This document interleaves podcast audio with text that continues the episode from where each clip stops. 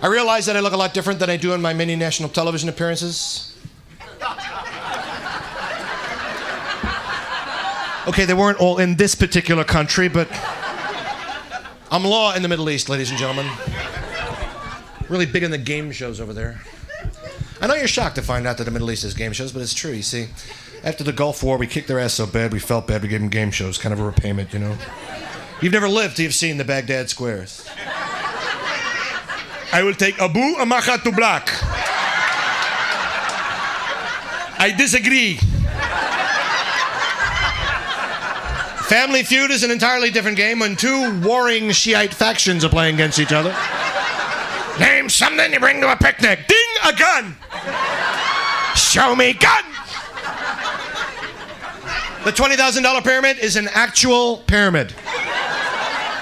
Two guys wearing burnous sit at the bottom going, sheep, ram, goat, camel, uh, things you have sex with, things, things you eat, things, things you eat and then have sex with, things, things you have sex with and then you eat, things.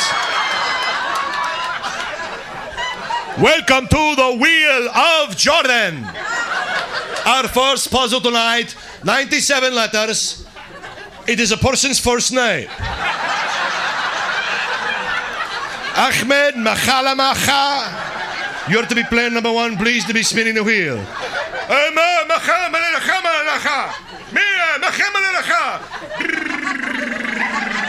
Come on, thousand, come on, thousand. Big on the money, big on the money, come on, thousand.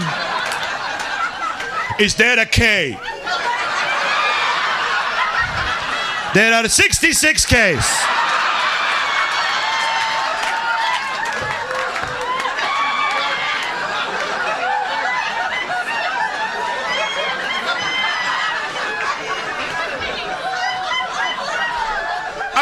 I would like to solve the puzzle.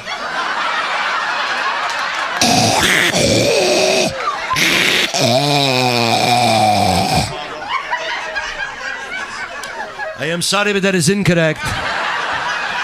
Player number two from the infidel country of the United States of America, the mother of all stand up comedians, Rob Bartlett. Like to buy a vowel?